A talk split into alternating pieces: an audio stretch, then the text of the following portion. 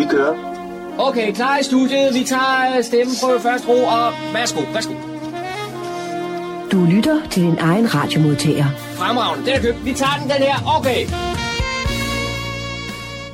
Goddag og rigtig hjertelig velkommen til det program, der hedder Morgenkrøden. Mit navn er Kurt Kammersgaard, og jeg har som sædvanlig fornøjelsen i de næste to timer og servere nogle indslag her fra vores lokale område. Noget, der er sket, noget, der måske kommer til at ske, og ja, så der er ikke noget, der er forandret i den retning. Og det er det ikke det her med, at vi plejer at komme med en lille spiseseddel om, hvad det er, vi skal høre her, her i løbet af formiddagen. John Marco har besøgt Sovnegården i Niveau, hvor man er i gang med lidt øh, specielt ting. Det er sådan, han har sagt, sæson man er i gang med dernede. Fordi øh, det er sådan, at der, øh, der, der sidder nogen dernede hver mandag og, et, og personer og klipper nogle hjerter til jul. Og jeg er ikke meget for at nævne det, men det tager jo ikke så lang tid, så er vi jo derhen, hvor det er nærmest, nærmest det her med, med julen. Men øh, det hører jeg mere om. Det indslag, han nemlig lige kigge forbi en formiddag, en, øh, og for at se, hvad, hvad det giver ud på, man laver det med. Den han er som altid i gang med at lave nogle øh, lokale nyheder, som han finder på humlebo.dk, og dem skal vi også høre lidt på formiddagen. Cyberværet har vi også det her med, at alt det, vi skal få at vide, at vi ikke skal røre ved. Og så er, har John Marco været nede i en gammel biograf nede i, øh, i Fredensborg, hvor han har været til en, øh, en lille udstilling. Det er, hvad skal man sige, formanden for Fredensborg Ny Kunstforening, Jørgen Hedegaard, der har lavet sådan en lille separat udstilling og af nogle forskellige ting, han har lavet. Og det er sådan ligesom en øh, udstilling i anledning af Fredensborgs 300 års jubilæum. Jørgen, han er, han er slut røv. Don, han talte med Jørgen Hedegaard, ja, en samtale og lidt om, hvad, hvad det hele går ud på, så det hører vi også i løbet af formiddagen. Og hvad har vi så mere? Jo, øh, John øh, Marco har også været en tur op i Helsingør for at besøge Frederiksborg Amtsavis. Han skulle nemlig have en snak med redaktør Steffen Slot. Ham kender vi nok alle sammen der her fra lokalområdet. Han, den, han er jo, kan man sige, også redaktør nede på Unyt, så øh, han kan man sige, dækker, dækker området her i, i vores kommune, og det gør han faktisk rigtig godt. Øh, John har fået en længere samtale med ham, så vi finder ud af, hvem Steffen Slot han i hele taget er. Og så har formanden for øh, støtteforeningen Lyden, Ole Holte, han har meldt sin ankomst her i løbet af formiddagen. Jeg ved ikke lige hvornår, men det får vi videre om. Han skal fortælle om et nyt tiltag, og øh, det er ikke jazz denne gang. Det er det ikke, men det er netop noget helt, helt, helt andet, har jeg lavet mig fortælle. Men uden jeg ved det, men øh, det kommer øh, Ole Holte og fortæller lidt om i løbet af formiddagen. Så, så er det her, hvor jeg kommer ind. Det er så der, jeg skal finde noget musik, og det har jeg også gjort, og vi ligger rigtig flot ud i dag. Velkommen til morgenkronen. Rigtig god fornøjelse.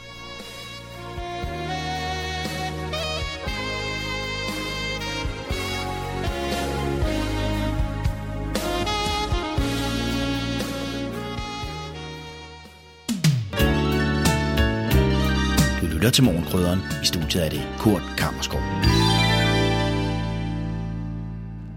Jeg står i Sovnegården i Niveau sammen med Lis Raufer. Og anledningen til, at jeg er gået herover i dag, Lis, det er, at der er fuld aktivitet. Hvad er det, der sker her? Vi laver juleklip. Det gør vi hvert år i hele november måned hver mandag. Fra kl. 11 til kl. 1. Der aftaler vi, hvad vi skal lave. Og så sidder vi og klipper sådan 20-30 om dagen om, på to timer. Øh, ja, og de skal så deles rundt i kirken juleaften og juledag. Der skriver vi God jul, Karlebo Sogn, 2022. Og jeg kan se, at i dag der er I otte øh, personer, der sidder og arbejder. Mestendels kvinder. Ja, vi har haft to-tre mænd, men de er sådan faldet fra hende med årene. og vi hygger os. Og nu har vi en, der kommer trolig hver gang, som gør det hårde arbejde med at lave, lave huller til trådet. Hvis man nu skulle være interesseret i at deltage, øh, kan man så bare komme her, eller? Ja, man er så velkommen. Og det er hver mandag mellem 11 og 1. Og det er kun i november måned. Kun i november måned. Nogle gange så tager vi den første mandag i december, hvis vi ikke er færdige, så vi lige kan runde op. Ja. Vi laver cirka 300-350 stykker. Og vi hygger os, og vi har kaffe og kage og ostemad, og, og snakken går. ja, det kunne jeg forestille mig. Det var John Marco, der havde produceret dette indslag. Så er der igen blevet tid til lokale nyheder, kulturinformationer og servicemeddelelse. De er alle sammen hentet fra humleborg.dk. I studiet er det Daniel Jørgensen. I den seneste tid har der været en del debat på de sociale medier om det, der hedder Café Kokkedal og lukning af denne. Og det har fået Fredensborg Kommune til at udsende en meddelelse om baggrunden for, at man har lukket Café Kokkedal. For det er nemlig en del af fritidsjobindsatsen i et regi under Ung Fredensborg. Formålet med kommunens fritidsjobordning er at klæde unge på til at varetage et fritidsjob og gennem meningsfulde opgaver at gøre dem parate til at finde og fastholde et ordinært fritidsjob efter ansættelse i fritidsjobindsatsen. Initiativet er tænkt og startet op i det små, men har udviklet sig til et populært tilbud, som flere og flere benytter sig af. Kommunens administration har på den baggrund undersøgt sagen og vurderet, at den aktivitet, der er i regi af Café Kokkedal med salg af mad til familier, der kan komme og spise på stedet, og et salg via takeaway, er erhvervsvirksomhed. Og en kommune må ikke drive erhvervsvirksomhed, med mindre der er lovhjemmel til det, og det er der ikke her. Derfor har man måttet lukke caféen. Kommunen undersøger fortsat, om der er andre muligheder for at fortsætte aktiviteten på andre vilkår, men i den nuværende form kan den ikke fortsætte. Og det er derfor vigtigt at understrege, at Å Fredensborg selvfølgelig vil sørge for, at de unge, der har været tilknyttet aktiviteten, vil blive hjulpet videre med at finde nye meningsfulde fritidsjobs, ligesom at de har mange andre fritidsjobindsatser. I 1957 trådte Danmark for første gang ind i Melodi verden. Siden da har konkurrencen både i Danmark og internationalt gennemgået en rivende udvikling, afspejlet i både sange, orkester eller mangel på samme, tøjmode og svingende status og opbakning i befolkningen og hos pressen. Hos Niveau Amatørteater har en trup på otte dygtige sangere besluttet sig for at fejre konkurrencen, som alle hader at elske eller elsker at hade. Publikum vil gennem den selvudnævnte Grand Prix-nørd Michael Johansens manuskript blive taget i hånden og ført rundt i Grand Prix's verden. Man vil både kunne opleve store succeser, farverige fiaskoer, tossede og tidstypiske tekster, og i det hele taget få et smil på læben og opleve en masse syng med potentiale. Det hele bindes sammen af Tove von Jessen, som er konferencier i forestillingen og som også har instrueret. Der er premiere søndag den 27. november kl. 15, der spilles også forestilling mandag den 28. november og onsdag den 30. november kl. 20, samt mandag den 5. og torsdag den 8. december ligeledes kl. 20. Billetter kan bestilles på niveauteater.dk. Humlebæk Kunstforening har igen i år en soloudstilling med billedkunstner Jytte Sletter. Den kan ses fra lørdag den 19. november til fredag den 7. december Jytte Sletter er autodidakt som billedkunstner og har været aktiv i mere end 30 år med en række fælles udstillinger og censurerede separatudstillinger. Jytte fortæller om sin proces, at hun primært arbejder intuitivt og med inspiration fra naturen og med særlig interesse for lyset og havet. Udstillingen kan ses på Humlebæk Bibliotek. Åbningstiderne er mandag til torsdag 12-17 og lørdag kl. 10-13. Se mere på humlebækkunst.dk. Det var, hvad vi havde for denne gang af lokale nyheder, kulturinformationer og servicemeddelelse fra humleborg.dk. De var oplæst og redigeret af Daniel Jørgensen. Så tager vi pulsen på en lokal musikalsk oplevelse.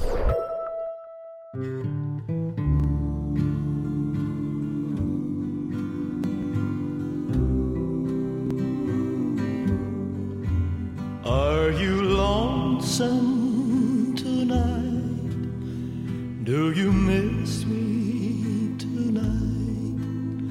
Are you sorry we drifted apart. Does your memory stray to a bright summer day when I kissed you and call you sweetheart? Do the chairs in your parlor seem empty and bare? Do you gaze at your doorstep and picture me there? Is your heart Så har vi fået øh, gæst i studiet. Vi har fået, kan man sige, formand for Støtteforeningen Lyden, Ole Holdestol. Velkommen til, Ole. Tak skal du have, Kurt.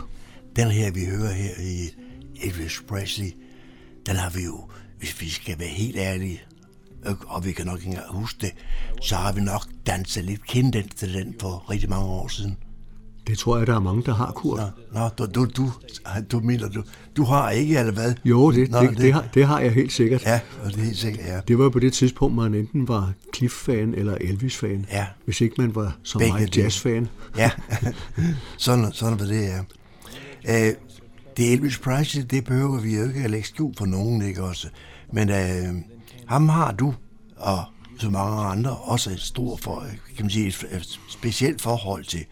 Fordi vi har jo hørt meget om ham, og ikke også? Og Han gik jo for tidligt væk, fordi han, øh, øh, ja, Jamen, det, har jo, det, det, er jo, det er jo kongen af rock and roll, kan man Det- sige. Ikke? Og, ja. og Elvis Presley, er, jeg tror ikke, der er ret mange, selvom han døde tilbage i 1977, så tror jeg, der er øh, rigtig mange, der stadigvæk kan huske Elvis Presley. Hans musik Ja. lever jo Ja. heldigvis videre, og ja. der er lavet rigtig meget af det. Ja, det er det. Øh, Du skal lige fortælle mig, grunden til, at vi spiller netop Elvis musik, det er, at det er, fordi jeg sidder her med et lille program, og det er ikke Elvis, der er på programmet. Det er en anden, en anden kendt person, vi kender andet sted fra. Jamen, det er rigtigt. Det er faktisk to øh, kendte personer, der, der fortæller og spiller musik og underholder omkring Elvis Presley og hans liv.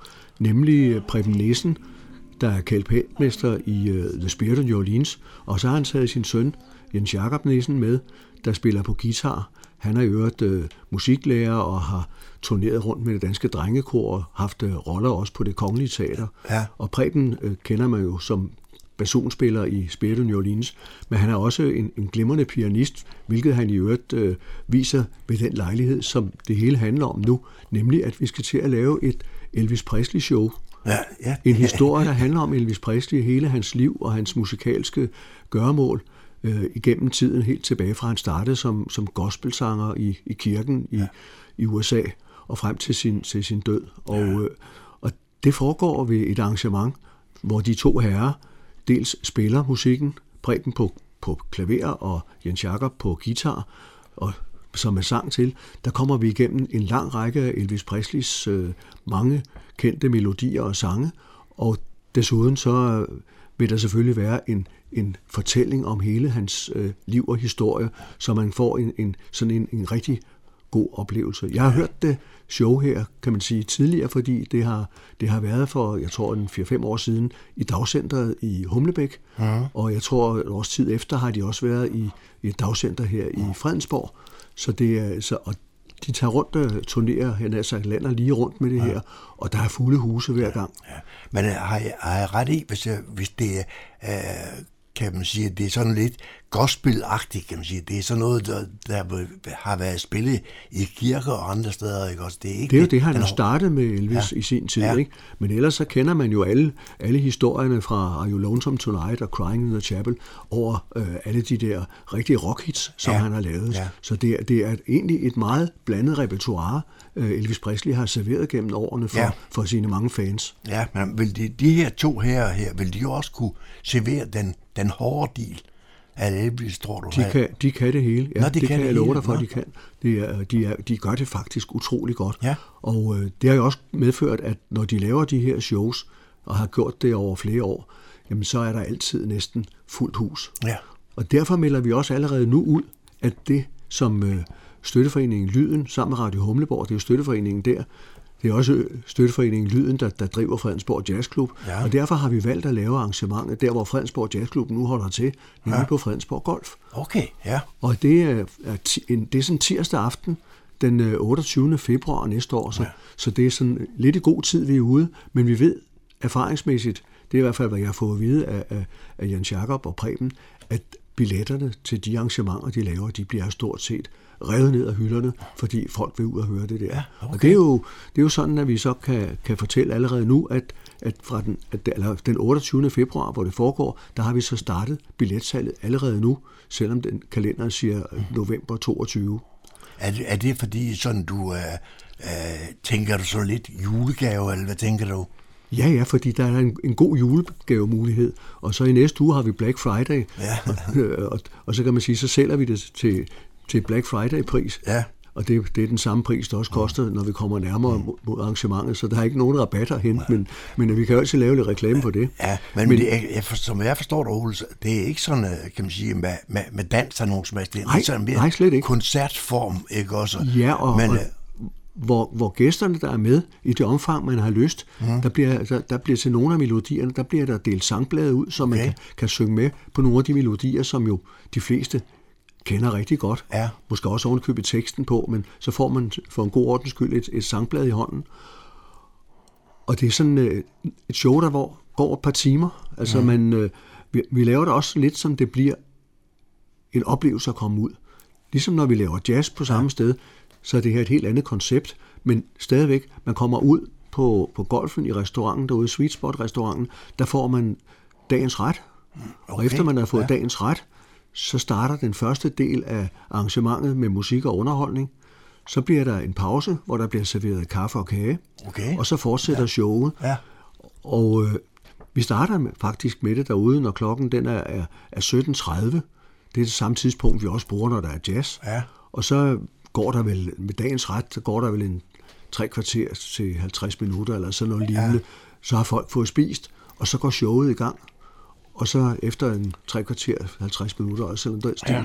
så er der en pause, hvor der bliver kaffe og kage. Ja. Og så fortsætter showet. Det betyder, at folk jo kan komme hjem igen, allerede når klokken er måske kvart over 20 minutter over 8. Ja. Og det bliver altså ikke ja. noget natteroderi. Nej.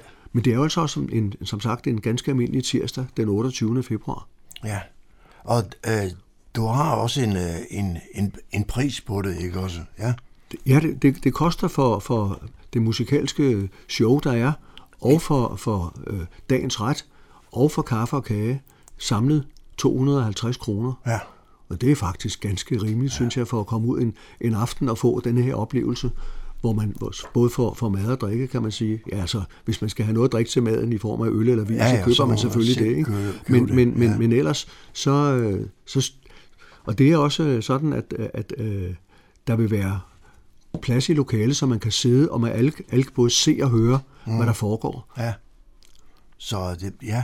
Og øh, billetterne, for, hvis man nu øh, vil, vil have billetterne, ikke også, er inde og bestilt også, det er hos dig, som det plejer at være, ikke også? Jo, det, er, det, det tager jeg mig af. Ikke? Som, ja. som, og det foregår så ved, at man ringer på telefon 20 67 52 25. Ja, okay. Eller man kan sende en mail. Ole, snabelag, holte.net. Lidt, ja, okay. Ja, og ellers, ellers, hvis man går ind og kigger under, under jazzklubben på Humleborgs hjemmeside, da det jo foregår på samme øh, koncept, Ja. så kan man også se øh, forholdene der. Ja, så okay. det, øh, det er sådan set øh, ganske enkelt at, at gøre det sådan. Men vi taler også om, altså om øh, den 28. Feb- februar. Er der så mange dage i februar? Nu skal vi lige Ja, jo, den på det. 28. er den sidste dag i februar. Okay. løbe ud for dage, ikke også? Ja. Ja, der er jo nogle år, hvor der er 29, men det er der ja, så ikke i 23. Ja, nej. den 28. februar 2023, og det er med start klokken 17.30, øh, så kan man jo øh, så komme ind og, og som du selv sagde, man kan købe sin, sin drikkevarer, så får man dagens ret og, og lidt, lidt underholdning. Og øh, hvad kan du helt fortælle om det, kan man sige, og, om selve arrangementet? Jamen, jeg har som sagt oplevet det de gange, som Ja. jeg har fortalt om, dels i, i Humlebæk og dels i Fredensborg for en, en 4-5 år siden. Ja. Og øh, jeg kan sige, de gæster, der var med, og der var vel, øh, jeg tror, der var vel et, en, en stemme mellem 80 og 100 begge steder. Ja. De var vildt begejstrede. Ja, okay. Og det er også det, jeg har hørt fra de, fra de to herrer, øh, Jens Jakob og, og Preben, at, at det er den oplevelse, de selv har med sig. Øh, Preben fortalte mig her, at de har senest været i, i, i en sovnegård nede i, på, på Midtjylland, og der var stående applaus, da de var færdige. Ja, okay. Ja.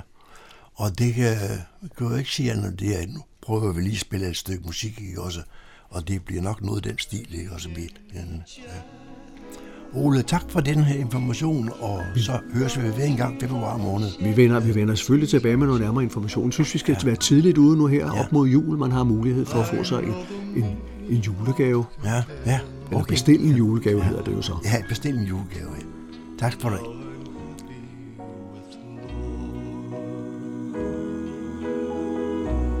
Just a plain and simple child where humble people go to pray. I pray the Lord that I'll grow stronger as I live from day to day.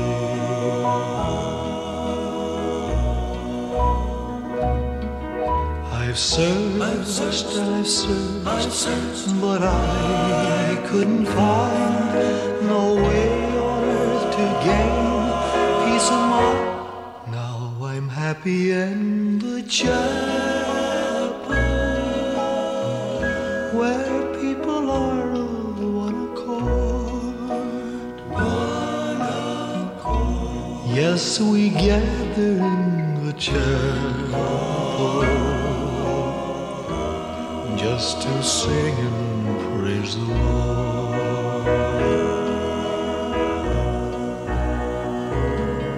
You'll search and you'll search, but you'll never find no way on earth to gain peace of mind. Take your troubles to the chapel.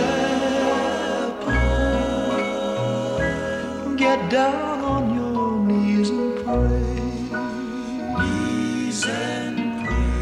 Then your burdens will be lighter. And you'll surely find the way. And you'll surely find the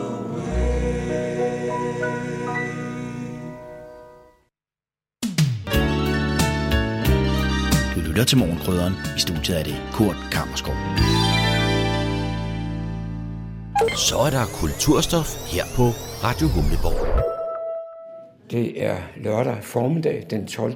november 2022, og jeg er taget til Fredensborg Gamle Biograf. Og anledningen er der i dag er en separatudstilling i kælderetagen. Det er formanden for Fredensborg Ny Kunstforening, Jørgen Hedegaard, der udstiller. Jørgen, det er der noget af nogle værker, du har fundet frem her. Ja, jeg har jo nu i et par år øh, lavet en, en række akvareller, som øh, er lavet i Fredensborg by og i, og, og i Fredensborg, altså par Slottsparken og også omkring slottet. Øh, nu er jeg meget interesseret i historien, men øh, jeg synes også, at øh, det at bruge akvarellen som medie øh, er en god udfordring. Øh, så nu er det så blevet til en udstilling her i underetagen i øh, Kulturhuset. Og øh, det er lidt spændende for mig at se øh, tingene hængt op på væggene, fordi det er jo en ret lang rejse, kan man sige, jeg har været på med mine pensler. Og så har du jo lavet en ny dimension her på den her udstilling, i det du også har en stor videoskærm, hvor man også kan se værkerne. Ja, øh, altså jeg har jo et udvalg af værker på væggene, og så har jeg fundet nogle flere frem, som på en lidt anden måde øh, viser øh, mine akvareller, som alle sammen er taget her i Fredensborg eller i Slottsparken. Så der er lidt at se på, ja. Og så har jeg ved, ved ganske få tilfælde, langt uden for kommunens grænser her, også stødt på dig, og du har altid en blok med. Ja, altså jeg har jo min skitseblok med mig ofte, hvor jeg går hen, og så jeg kan godt lide at, at, at skitse. Det kan være, hvis jeg sidder i stedet i Slottsparken eller nede ved, ved søen, men øh, jeg bruger den jo også, når jeg er på tur, eller for eksempel øh, sidder i S-toget, for eksempel, så kan jeg meget vel tage min skitsebog frem, så sidde sådan lidt i et hjørne og, og tegne mennesker, fordi mennesker og mennesketyper har også min store interesse. Når man ser dine værker her, så er man jo ikke i tvivl om, hvad de forestiller. De er alle sammen meget, meget naturalistiske.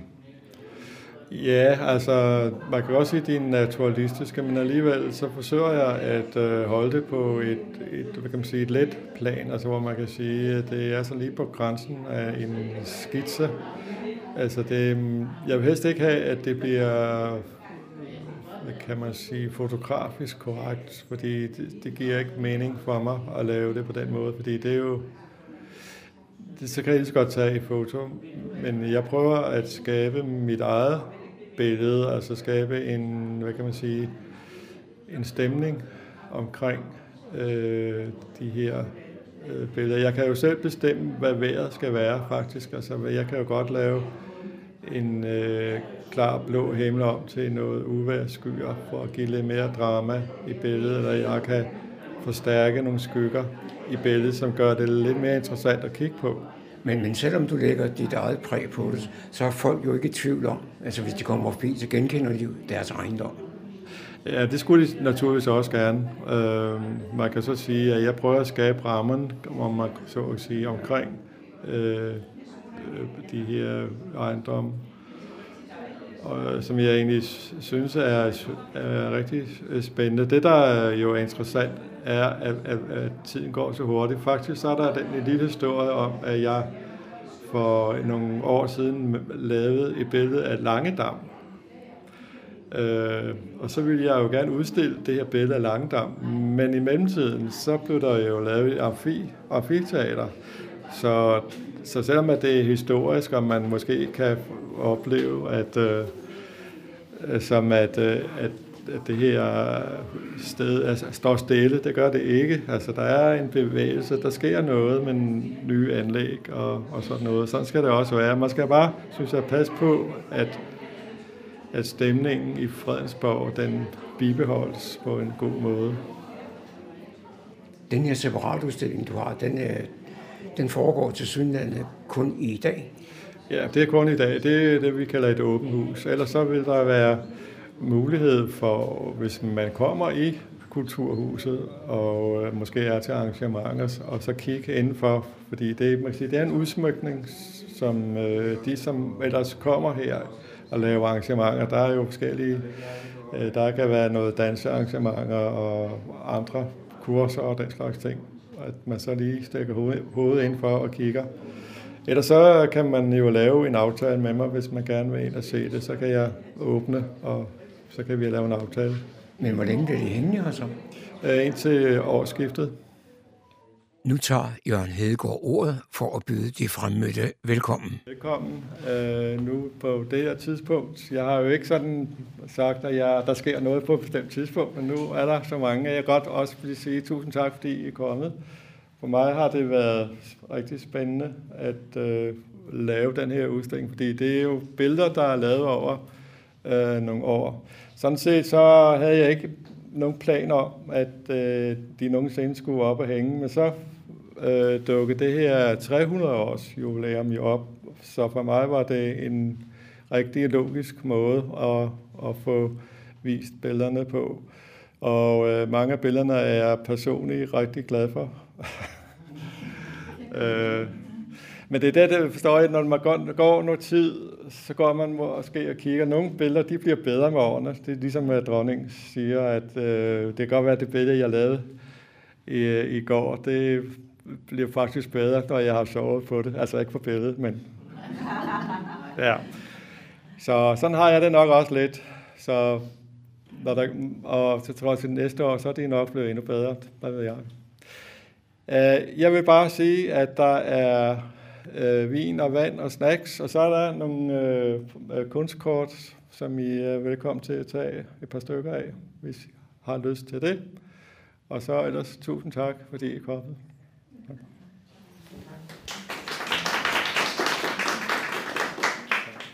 Så træffer jeg en af de fremmødte tilskuere her, nemlig Anne Rosenhøj. Og Anne, jeg ved, at du er en ivrig øh, fotograf. Og det synes jeg også, Jørgen er, men han gør det med en pensel. Ja, netop. Jeg er blevet uddannet fotograf, så jeg har fotograferet hele mit liv, og jeg elsker det stadigvæk. og det, øh, det er jeg meget glad for. Og derfor går jeg tit på udstillinger for at, at, at se, om jeg kan få nogle inspirationer, ikke også? Men det er sjovt, når jeg er ude og køre en tur for eksempel, ikke? så kan jeg ikke lade være med at, at se mig lidt til siden og se, der er et motiv der. Ej, jeg skal nok derhen og tage det, sådan et billede. Ikke? Det, det, kan jeg, det synes jeg er meget spændende. Og nu har jeg jo også erfaret, selvom du forsøger at tage det samme billede to gange, det kan du ikke. Nej, det kan man ikke. Fordi øh, et billede har jo, altså det vil jeg sige, nej, det kan jeg ikke, du. Fordi, øhm, nej, det, det har jeg aldrig prøvet at gå ud og tage det samme billede. Men altså, det er, men i det hele taget interessen for at, at finde motivet, det tænder mig meget. Så jeg er, jeg er, jo, jeg fotograferer. Nej, jeg fotograferer ikke så meget mere. Nu bruger jeg alle de billeder, som jeg nu har, brugt, har taget igennem livet. Ikke? Dem har jeg på min computer og andre steder. Ikke? Og så tager jeg dem, kigger jeg på dem en gang imellem. Og så ser om jeg ikke forskønne det, eller uh, shine det lidt op, eller sådan noget lignende, eller sætte det sammen med noget andet. Ikke? Så det, uh, det bruger jeg meget tid på. Så er du ikke kun fotograf, så er du også kunstner? Ja, det er andre, der skal bedømme, om man er kunstner, ikke? Jeg viste mit øh, visitkort fra Jørgen her for et stykke tid siden, og han syntes, det var, det var lidt for tamt. Så jeg skulle se og tænke på at få lidt mere øh, bange på, fordi jeg var jo lidt af en kunstner. jeg kan ikke selv lide at få det ud af munden. Men andre, det er, det er, betragter det sådan, ikke? Og jeg har også øh, min gang på Facebook, bruger jeg også at gå ind i min computer og ser, hvad, hvad øh, kan jeg fortælle folk lige nu, ikke? Forleden dag, der var der en indledning til Kongebroen, og det var blevet færdig, ikke? Og så, så havde jeg et, et billede fra 1996, hvor prins Henrik fik det som gave. Og det har jeg altså virkelig shined op og har lagt ud på Facebook. Og der var nogen, der, der reagerede på det, at der var altså tilknytning til de to ting. Altså, den var færdig i dag, 2022, ikke? Altså, men det, det der i 96, jeg ved ikke, om der var virkelig mange mennesker nede ved den kongebro dengang. Der var ballet og alt muligt, og det viser mit billede også. Men altså, når man lægger billeder ud på, på nettet, så øh, er det der kun en døgns tid. Men så er de meget, meget søde. Når der er gået et år, så henvender de sig til mig og siger, det der billede, det tog du for et år siden, og så kan jeg enten dele det eller lade være. Så jeg, øh, jeg er næsten altid øh, i gang med et eller andet. Indslaget var produceret af John Marco. Du lytter til morgenkrydderen. Jeg er taget til Bjergegade i Helsingør og er gået indenfor på Frederiksborg Amtsavis redaktion. Og så møder jeg redaktør Steffen Slot. Steffen, kunne du lige starte med at fortælle lidt om dig selv? Ja, jeg er 44 år og født i Vejle og opvokset derovre.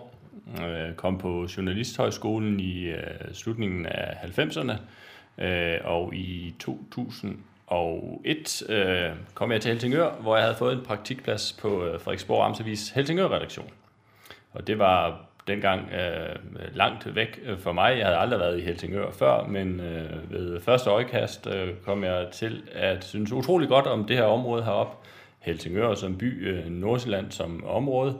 Øh, så da jeg var færdiguddannet øh, på øh, Journalisthøjskolen, der øh, søgte jeg job øh, på øh, Frederiksborg Amtsavis, fik en øh, stilling i øh, Hillerød, og da stillingen som journalist på øh, Frederiksborg Amtsavis med ansvar for at dække Fredensborg Kommune blev ledig, så øh, søgte jeg den og har været øh, der lige siden, fordi jeg simpelthen synes, at øh, det er så fantastisk et område, øh, både Nordsjælland som helhed og i særdeleshed øh, Fredensborg Kommune. Og så spiller det selvfølgelig også en stor rolle, at jeg øh, i min praktiktid øh, mødte øh, hende, som nu er min kone, øh, Inger, og hende er jeg gift med i dag. Vi har tre børn, og vi bor i Græsted. Hvornår var det egentlig, du kom til øh, Fredensborg-redaktionen? Ja, så skal jeg til at tænke, det gjorde jeg i efter sommerferien i 2006. Eller var det i slutningen? Ja, det var i sensommeren 2006. Relativt kort tid efter du var kommet til, til området her og skulle til at dække Fredensborg, der gjorde du dig meget øh, kraftigt bemærket. Ja, det er rigtigt, og det er faktisk også derfor, jeg, eller det er det, jeg bedst kan huske øh, årstallet omkring starten på Fredensborg-redaktionen. For der gik kun få måneder, så var der nogle beboere ude fra Ravnsbjerg Gårdsvej i Fredensborg, som begyndte at sende billeder ind af et øh, noget anmassende byggeri, der blev opført på en skråning bag ved deres ejendom. Og det var det, der i starten bare startede som store øh, jordvolde, øh, og senere blev til en øh, støttemur, den såkaldte Berlinmur, der så skulle holde en, en libhaver boligblok med, øh, med fire øh, dyre lejligheder oppe, for den, øh, den bygherre, der havde forskudt øh, en boligblok øh, lidt øh, tættere ud over en kant, for at få en bedre udsigt ud over øh, Knorrenborg Vang, og også for at få plads til, øh, til flere boliger. Og det blev øh, øh, blok 5, sagen om en ulovlig opført boligblok, øh, og øh, derudover så blev det også en sag om, hvordan øh, medier, og især lokale medier, har en stor betydning for de borgere, der bor i et område, fordi de borgere, som var utrolig øh, velforberedte og godt inde i sagerne, og øh, også argumenteret på en, en god måde, de manglede alligevel øh, en platform til at komme ud og rampe med deres meninger, fordi hvis de bare alene skulle have kæmpet den kamp, øh, uden offentlighedens opmærksomhed og støtte til deres sag, så, øh, så havde den nok været svær at kæmpe, end, end den blev øh, ved også at komme i Frederiksborg Amtsavis. Og så trak den jo så lange spor, så du faktisk blev indstillet til det, der hedder Kavlingprisen. Ja, det gjorde jeg i 2010, og det var en fantastisk oplevelse. Jeg kan huske, at jeg også var ret nervøs for, at jeg skulle gå ind og vinde den øh, pris, fordi så skulle jeg virkelig have været øh, blevet interviewet mange gange i radio og, og, og aviser. Det var jeg måske ikke helt parat til. Jeg har altid haft det bedst med bare at være øh, Steffen. Øh, jeg kan godt lide at være ude blandt mennesker og møde dem og snakke med dem, men, øh, men jeg har ikke sådan noget personligt behov for at være midtpunkt, øh, og det er også derfor, at, øh, at du hver gang, øh, John, skal overtale mig noget til, at jeg sådan, selvom jeg holder meget af dig og elsker at, at møde dig, når vi vil ses derude, så vil jeg, vil jeg helst ikke interviews af dig, fordi jeg er bange for at komme til at sige et eller andet vrøvl.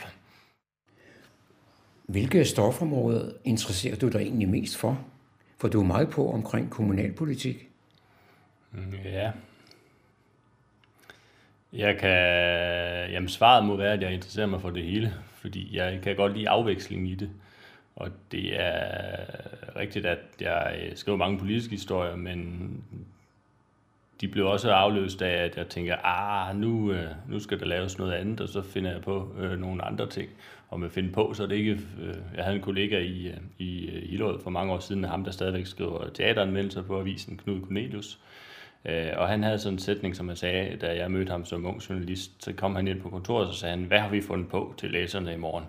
Og med det mente han jo ikke, at vi skulle ud og, og, og, og skrive vores egne øh, løgnhistorier, men mere det, at vi lagde øh, sådan et lag ind i, at, at, at læserne skal kunne mærke, at vi har en kærlighed og en engagement i de historier, vi skriver. Vi har tilvalgt dem, fordi vi synes, de er vigtige, eller sjove, eller udtryk for for livsglæde, eller udtryk for noget, noget pudsigt, eller noget overraskende, eller bare udtryk for noget, som er vigtigt at få, få skrevet og, og belyst.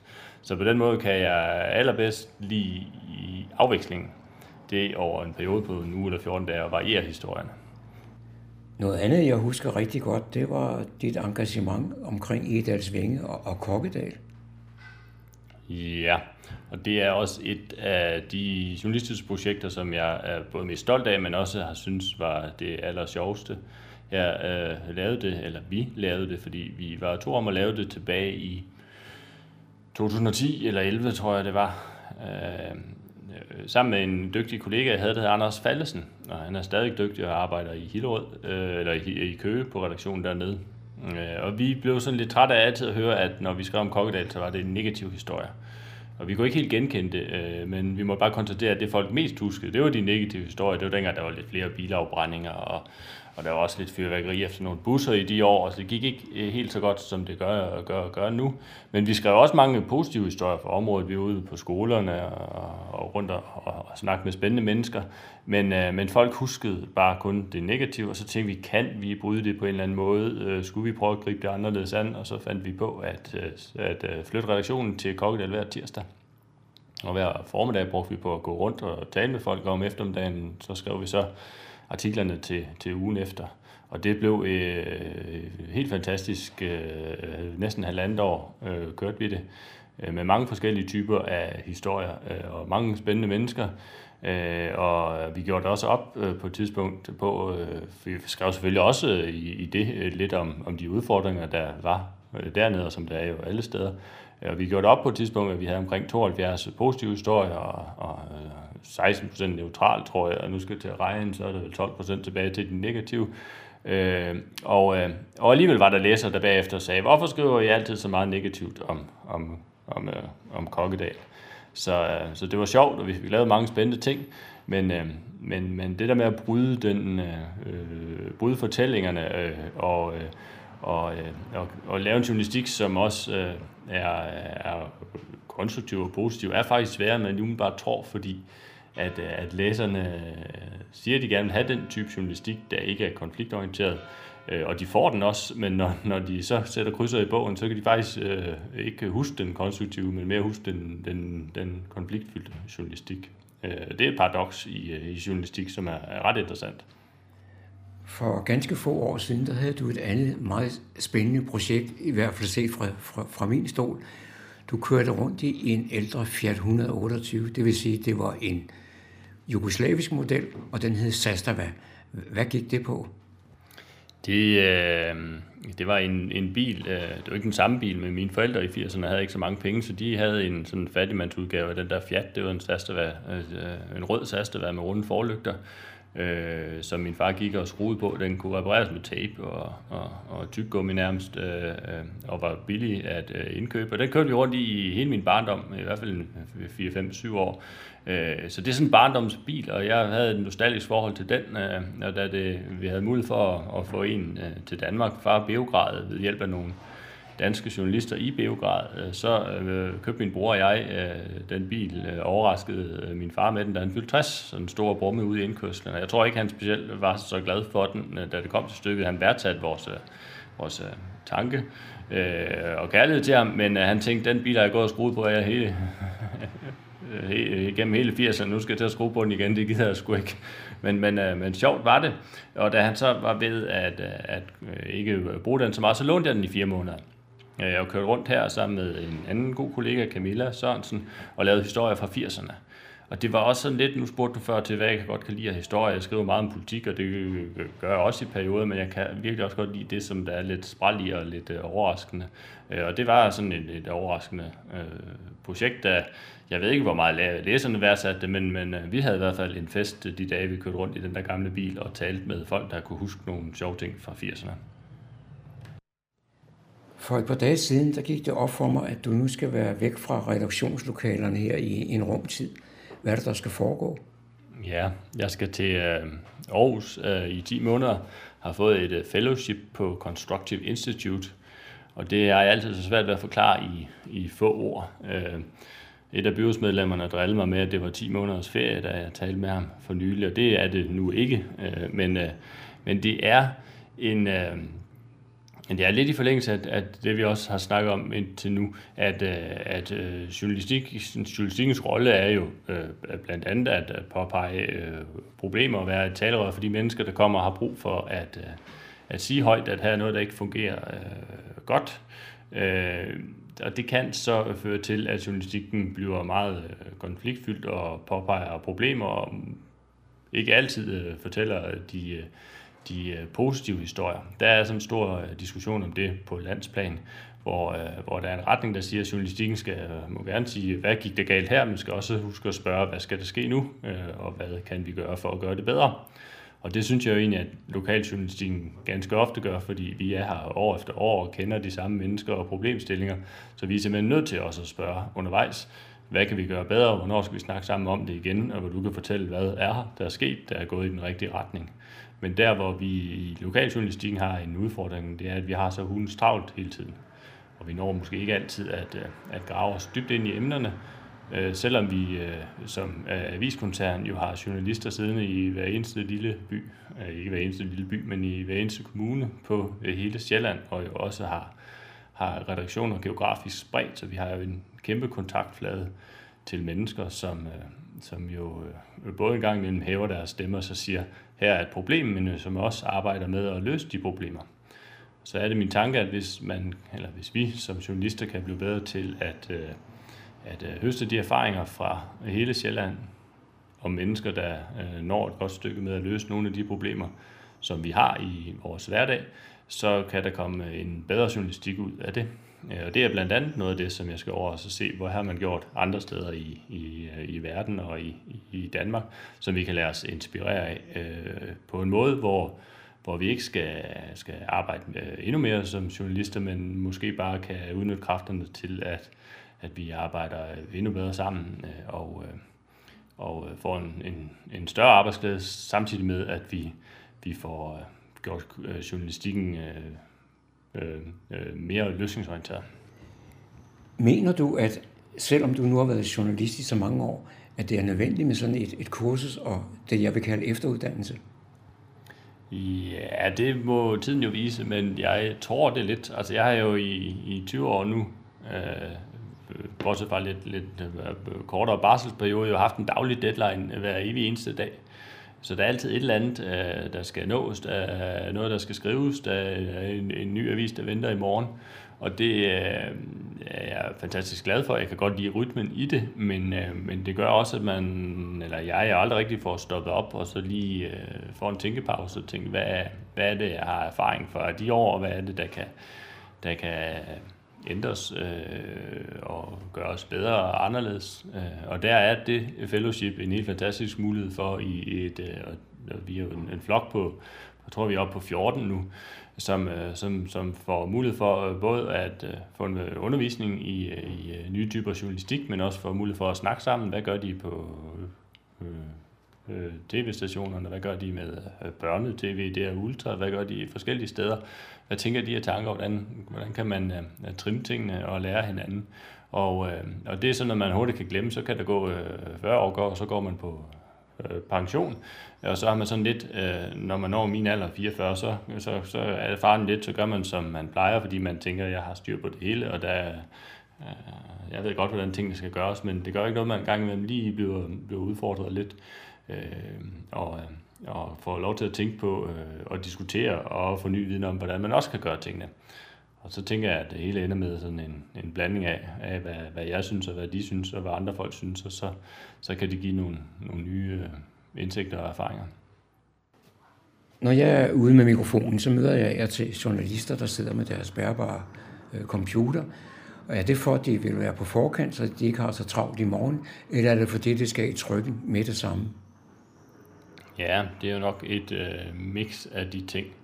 Øh, og det er jo, altså, ja, nu skal jeg lige få vendt ordene rigtigt, fordi der sker jo et skift i øjeblik, i blikket, hvor vi både har den, den trygte øh, Frederiksborg Amtsavis og den trygte ugeavis, øh, som jo rammer utrolig mange mennesker, også flere end hvad man egentlig umiddelbart øh, tror. Det sker så også et skift til digitale platforme, og sådan øh, går det i øjeblikket om, om 10 eller øh, 15 år, så kan det være, at, at øh, det er absolut der, hvor allerflest mennesker læser aviser.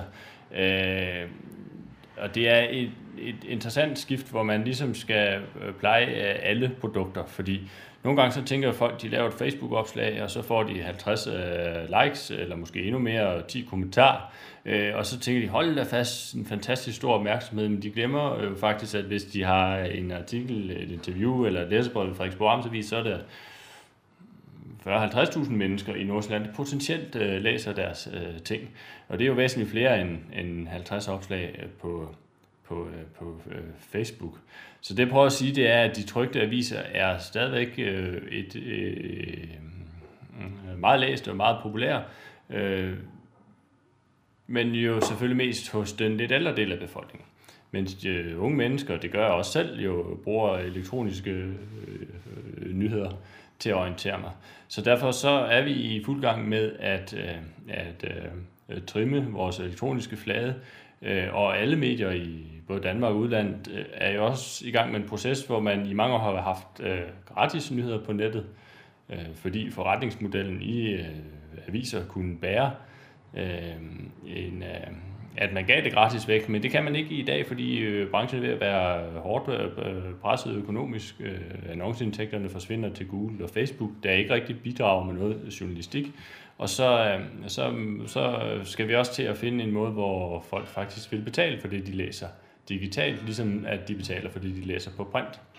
Og det er en af de store udfordringer, er at få yngre mennesker til at forstå, at øh, journalistik også er et øh, produkt, man betaler for, ligesom man køber morgenbrød ved øh, bageren, en kop kaffe på en café, øh, burger på øh, McDonald's eller, eller gå ud og spiser. Øh, journalistik er ikke gratis, og det er en udfordring at få yngre mennesker ind i den fold. Forlængelse, hvis jeg sådan skal tænke lidt over øh, journalistikkens fremtid og, og mediernes fremtid, så er det sådan noget, jeg en gang imellem, når jeg, inden jeg falder i søvn i toget på vej hjem af, hvis jeg tager toget, øh, så kan jeg godt sådan lade tankerne lidt flyve og tænke, hvad, hvilken vej går det, og, og, og hvad skal det til, øh, for at, øh, at øh, flere mennesker øh, bruger journalistikken og, og medierne. Øh, og så, så har jeg jo øh, det synspunkt, og det er også det, jeg har arbejdet lidt med det seneste år, at både en uavis og øh, Frederiksborg Amtsavis, øh, det er et fællesskab, øh, et fælles mødested, hvor man kan mødes om øh, at lade sig inspirere af andres gode idéer og erfaringer, og hvor, øh, som jeg også har været lidt inde på, man kan fortælle højt, hvis der er et eller andet, man er utilfreds med, noget, man synes skal ændres, og det kan man også godt lave et opslag om på Facebook, men hvis man laver et opslag på Facebook om det, så bliver det, man siger, jo ikke rigtig udsat for nogen form for journalistik. Og hvad er journalistik? Jamen, det er jo, at øh, journalistikken er med til at gøre dem, der har nogle øh, kloge ting, øh, endnu klogere ved, at det bliver løftet op på et højere niveau, og får et større gennemslagskraft og lidt mere perspektiv. Og hvis man siger noget, der er knap så klogt, jamen så bliver man udsat for lidt kærligt og kritisk øh, modspil. Øh, øh, og så er tanken jo i det hele, at, at når man har det fællesskab, som øh, journalistikken er, øh, og de medier, man har i Danmark, jamen så bliver øh, verden stille og roligt til et, et lidt bedre sted, fordi vi har det der mødested, hvor vi kan mødes om at, at tale om at, at gøre tingene øh, bedre og lade os inspirere af hinanden. Indslaget var produceret af John Marco. I England der bruger man i gennemsnit 5 timer om dagen foran en computerskærm eller telefonen. Og det er altså ud over den normale arbejdstid. Og de 16-24-årige, de bruger op mod 2.500 timer om året udelukkende på Instagram. Hvad siger du så? Cyberværet med IT-sikkerhedseksperten Leif Jensen. Inden vi går i gang med ugens udgave af Cyberværet, så skulle jeg måske lige nævne, at i den her uge, der har Cyberværet faktisk fødselsdag. For præcis et år siden, der startede jeg Cyberværet, og øh, der er løbet meget vand i åen siden. Det er blevet til et podcast, som findes på alverdens podcasttjenester, og så er det også kommet på en del lokalradioer. Og det er jeg jo faktisk rigtig stolt af, men jeg er også glad for, at der er mange, der lytter til cyberværet og forhåbentlig tager de råd til sig, som der bliver givet. Velkommen til cyberværet for uge 46, og tillykke med et års fødselsdag. I den her uge, der skal vi gennemgå de 10 mest almindelige fejl, man gør, når det gælder IT-sikkerhed, og hvad man kan gøre for at undgå at lave de her fejl. Nummer 1. Klikke på links eller åbne vedhæftede filer i mails. Vi har efterhånden hørt om det så mange gange, at mange måske sidder og tænker, ah, hvordan kan det være nummer 1? Men det er det desværre, og det var nok rigtig lang tid, inden vi blev rigtig gode til at lade være med at gøre det. Vær kritisk, når du modtager en e-mail med en link i. Lad være med at trykke på den, medmindre du er helt sikker på, hvem afsenderen er. Og det samme gælder vedhæftede filer. Der kan være alt lige fra virus og malware i de vedhæftede filer, og klikker du på en link, så kan du blive nar til at opgive nogle personlige informationer, du nok ikke skulle have gjort, såsom dit login og password og nem idé. Nummer 2 bring over opdateringerne. Jeg ved godt, det kan være super kedeligt at opdatere, fordi man får sjældent noget ny funktionalitet. Men husk nu, hold din computer og din telefon opdateret. Når der kommer opdateringer, og der står noget om sikkerhedsopdateringer, så er det altså vigtigt at få gjort, også selvom at du ikke nødvendigvis får noget ny funktionalitet. Nummer tre, det er også en gammel traver. Det er den her med at indsætte USB-nøgler i sin computer, som ikke lige er dine egne. Du ved altså ikke, hvor de har været før, og du ved ikke, om den computer, de kommer fra, har været beskyttet, eller om der har været lagt noget virus eller malware ned på. Så lad være med at indsætte USB-nøgler, som du ikke kender. Nummer 4. Svage passwords og genbrug af passwords. Det kan være fristende at have det samme password til alle services, man bruger, så er det nemmere at huske, og for at gøre det endnu nemmere at huske, så er det måske navnet på ens hund efterfulgt af nogle tal, som for eksempel Benny 123. Men det er en rigtig, rigtig dårlig idé, fordi når de kriminelle de får hacket en eller anden side, og måske får fat i nogle passwords, så sætter de bare et computerprogram i gang til at prøve alle mulige andre steder og se, om man kan komme ind med det her password. Så i hvert fald til dine primære e-mail services og andre vigtige ting, brug et unikt password, altså et password, som du ikke bruger andre steder. Og så sørg for at bruge et godt, langt password. Jo længere dit password er, jo mere sikkert er det faktisk. Det er faktisk mere vigtigt, at der er mange øh, bogstaver i dit password, end at der er en kombination af bogstaver og tal. Fordi hvis der er rigtig mange bogstaver, så kan computerprogrammerne altså ikke lige bryde den kode rigtig hurtigt. Hvis du synes, det er mega besværligt at huske alle de her password, så kan du med fordel bruge en password manager. Kig eventuelt hos Forbrugerrådet Tænk, som har lavet nogle undersøgelser af, hvad der er gode password manager. Nummer to. Undlad at bruge såkaldt to-faktor login til dine vigtige sider og services. Jeg kan selvfølgelig godt forstå, at der er nogen, der helt springer over, fordi det lyder mega kompliceret. To-faktor øh, godkendelse. Hvad i alverden betyder det? Jamen, det er ikke mere kompliceret, end at du indtaster dit password, og så bliver du bedt om lige at verificere, hvem du nu er, øh, ved for eksempel at få en sms, og så skal du indtaste en måske fire cifret pindkode eller seks cifre kode, og så er du igennem. Det vil sige, to-faktor er noget, du ved, altså dit password, og noget, du har, eventuelt din mobiltelefon. Langt de fleste professionelle sider og services, de tilbyder to-faktor godkendelse. Det kunne være alt lige fra Google-kontoen til Facebook og hvad du nu ellers bruger af services. Undersøg, om der er to-faktor godkendelse, og så tag det i brug. Det er altså ikke så svært, som det lyder. Nummer 6. Undlad at tage backup. Ja, den kan jeg måske også godt forstå, for det er vel ikke noget af det, man lige går og tænker på hver dag. Ej, jeg skal også huske at lave backup i dag. Men det er altså vigtigt, fordi når uheldet er ude, så er det rigtig surt at stå og have mistet sine dokumenter og billeder. Så sørg nu for at få taget i det mindste en simpel backup. Om det så er på en ekstern USB harddisk eller en USB-nøgle, det er i hvert fald bedre end ingenting, og det er ikke særlig svært. Nummer syv. At blive distraheret. Ja, det kan man jo rigtig nemt blive i en travl hverdag, men sidder man med sin mobiltelefon eller sin computer og eksempelvis har modtaget en mails, hvor der er nogle links i, og man har gang i alt muligt andet, og måske er ved at øh, røre rundt i kaffen, eller snakke med nogle af dem, der sidder ved siden af, så kan man godt være tilbøjelig til ikke at være så kritisk, og så får man lige klikket på den der link, og det er altså ikke så godt.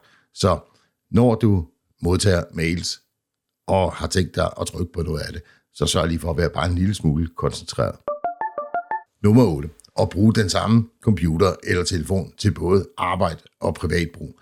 Det kræver altså, at man har lidt hjælp fra IT-afdelingen i virksomheden, hvis man skal gøre det. Fordi når man kobler på hjemme på sit private netværk, jamen, så kan der være andre enheder på det netværk, som måske kan inficere den arbejdscomputer, man kommer hjem med. Det er den ene ting. Men bruger man sin private computer til lige at koble på på arbejdspladsen, så er det rigtig vigtigt, at man i hvert fald har snakket med IT-afdelingen i firmaet om, det er okay, og om de har taget deres forholdsregler. Fordi når det er en privat computer, så er den jo af gode grunde ikke under administration fra firmaets IT-afdeling. Nummer 9. At være lidt for selvsikker. Udviklingen den går ekstremt stærkt, og de kriminelle, de finder på nye tricks næsten hver eneste dag. Så det kan altså være rigtig svært at holde trit med, hvad der sker. Så selvom at man naturligvis skal udvise sund fornuft, så er det en god idé ikke at være alt for selvsikker. Det er bedre at være kritisk. Nummer 10. Undlad at bruge sikkerhedssoftware på alle sine enheder. Det hænger lidt sammen med det her med at sige, jeg kan klare mig med at udvise sund fornuft. Som sagt, det går altså rigtig stærkt at have en sikkerhedssoftware på både sin computer og sine telefoner. Det er altså helt basalt og nødvendig beskyttelse. Hvis du er i tvivl om, hvad for en du skal vælge, jamen øh, så kig på anmeldelser på internettet. Kig for eksempel hos Forbrugerrådet Tænk, som er en uvildig organisation, som har lavet anmeldelser af antivirus eller sikkerhedspakker, eller kig i computermagasinet Alt om Data. Det var cyberværet for denne gang. Jeg håber, du kunne bruge de her 10 råd til noget, og at du vil være med til at sige tillykke med et års fødselsdagen til cyberværet. Vi høres ved igen næste uge. Så er der igen blevet tid til lokale nyheder, kulturinformationer og servicemeddelelse. De er alle sammen hentet fra humleborg.dk. I studiet er det Daniel Jørgensen.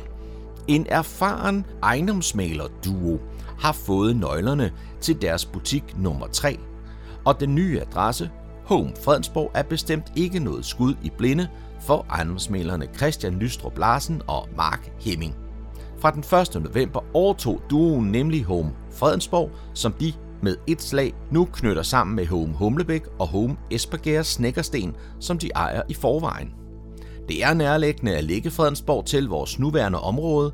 Humlebæk grænser op til Fredensborg, og fra Esbergære dækker vi også Kvistgård og Tikøb, siger den ene af de nye indehavere, Christian Nystrup Larsen. Den anden indehaver, 39-årige Mark Hemming, er født og opvokset i Humlebæk, som dengang hed Fredensborg Humlebæk Kommune, hvor hans far John Hemming var borgmester i en 10-årig periode. Så Mark har en naturlig tilgang til Fredensborg. En by, han også kender fra hans tid på kommunens musikskole, da han fik undervisning på Asminrød skole i saxofon og spillede i jazzband. Den nye duo overtager Fredensborg fra makkerparet ejendomsmalerne Andreas Rosenkilde Lønstrup og Tobias Thomsen, der har drevet butikken de seneste tre år. Vi åbnede butikken fra 0 i 2019 og arbejdede den op til en god spiller på markedet, og det er vi glade for at kunne give videre til Mark og Christian, så vi kan fortsætte med endnu mere fokus på de tre andre butikker, vi har, nemlig Helsingør, Hørsholm Rungsted og Birkerød, fortæller Andreas Lyngstrup. Fredensborg Bibliotekerne markerer julen med tre hyggelige arrangementer i november og december. Er man til julestemning og hygge, så skal man nemlig sætte kryds i kalenderen den 29. november, 6. december og 13. december. Her byder Fredensborg Bibliotekerne både på julemusik, julekræa, julehistorier og et Lucia-optog. Tirsdag den 29. november lægges der for på Niveau Bibliotek, hvor elever fra Fredensborg Musikskole kommer forbi og spiller julemusik fra kl. 16.30.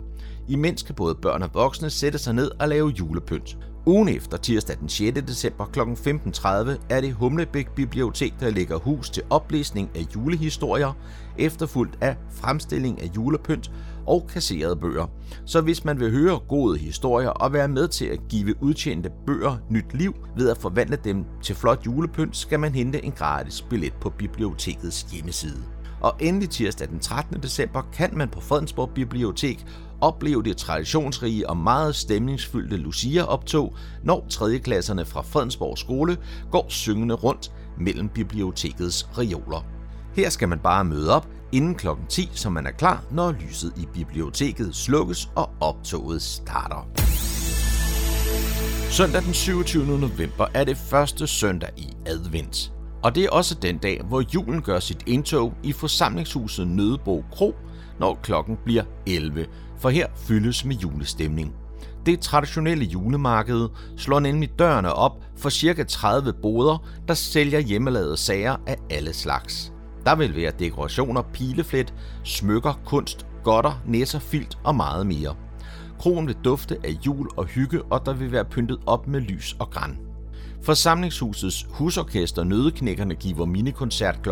14, og modeljernbaneklubben FUT byder velkommen kl. 12 til en besigtigelse af små tog og de landskaber og bymiljøer, de futter rundt i. Boderne og caféen lukker kl. 16. Julemarkedet på Nødebo Kro er et af mange gode traditioner, som man ikke vil undvære, og det er til med gratis at deltage. Det var, hvad vi havde for denne gang af lokale nyheder, kulturinformationer og servicemeddelelse fra humleborg.dk. De var oplæst og redigeret af Daniel Jørgensen.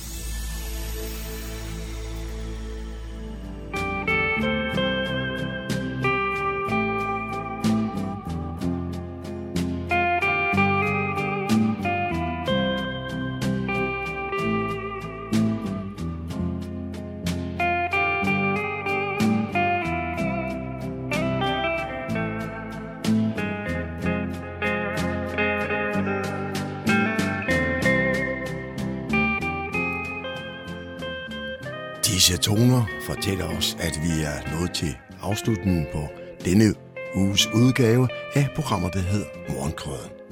Her fra redaktionen, som består af undertegnet, jeg hedder Kurt Kammersgaard. Ja, der siger jeg tak for nu, og på genhør en anden god gang.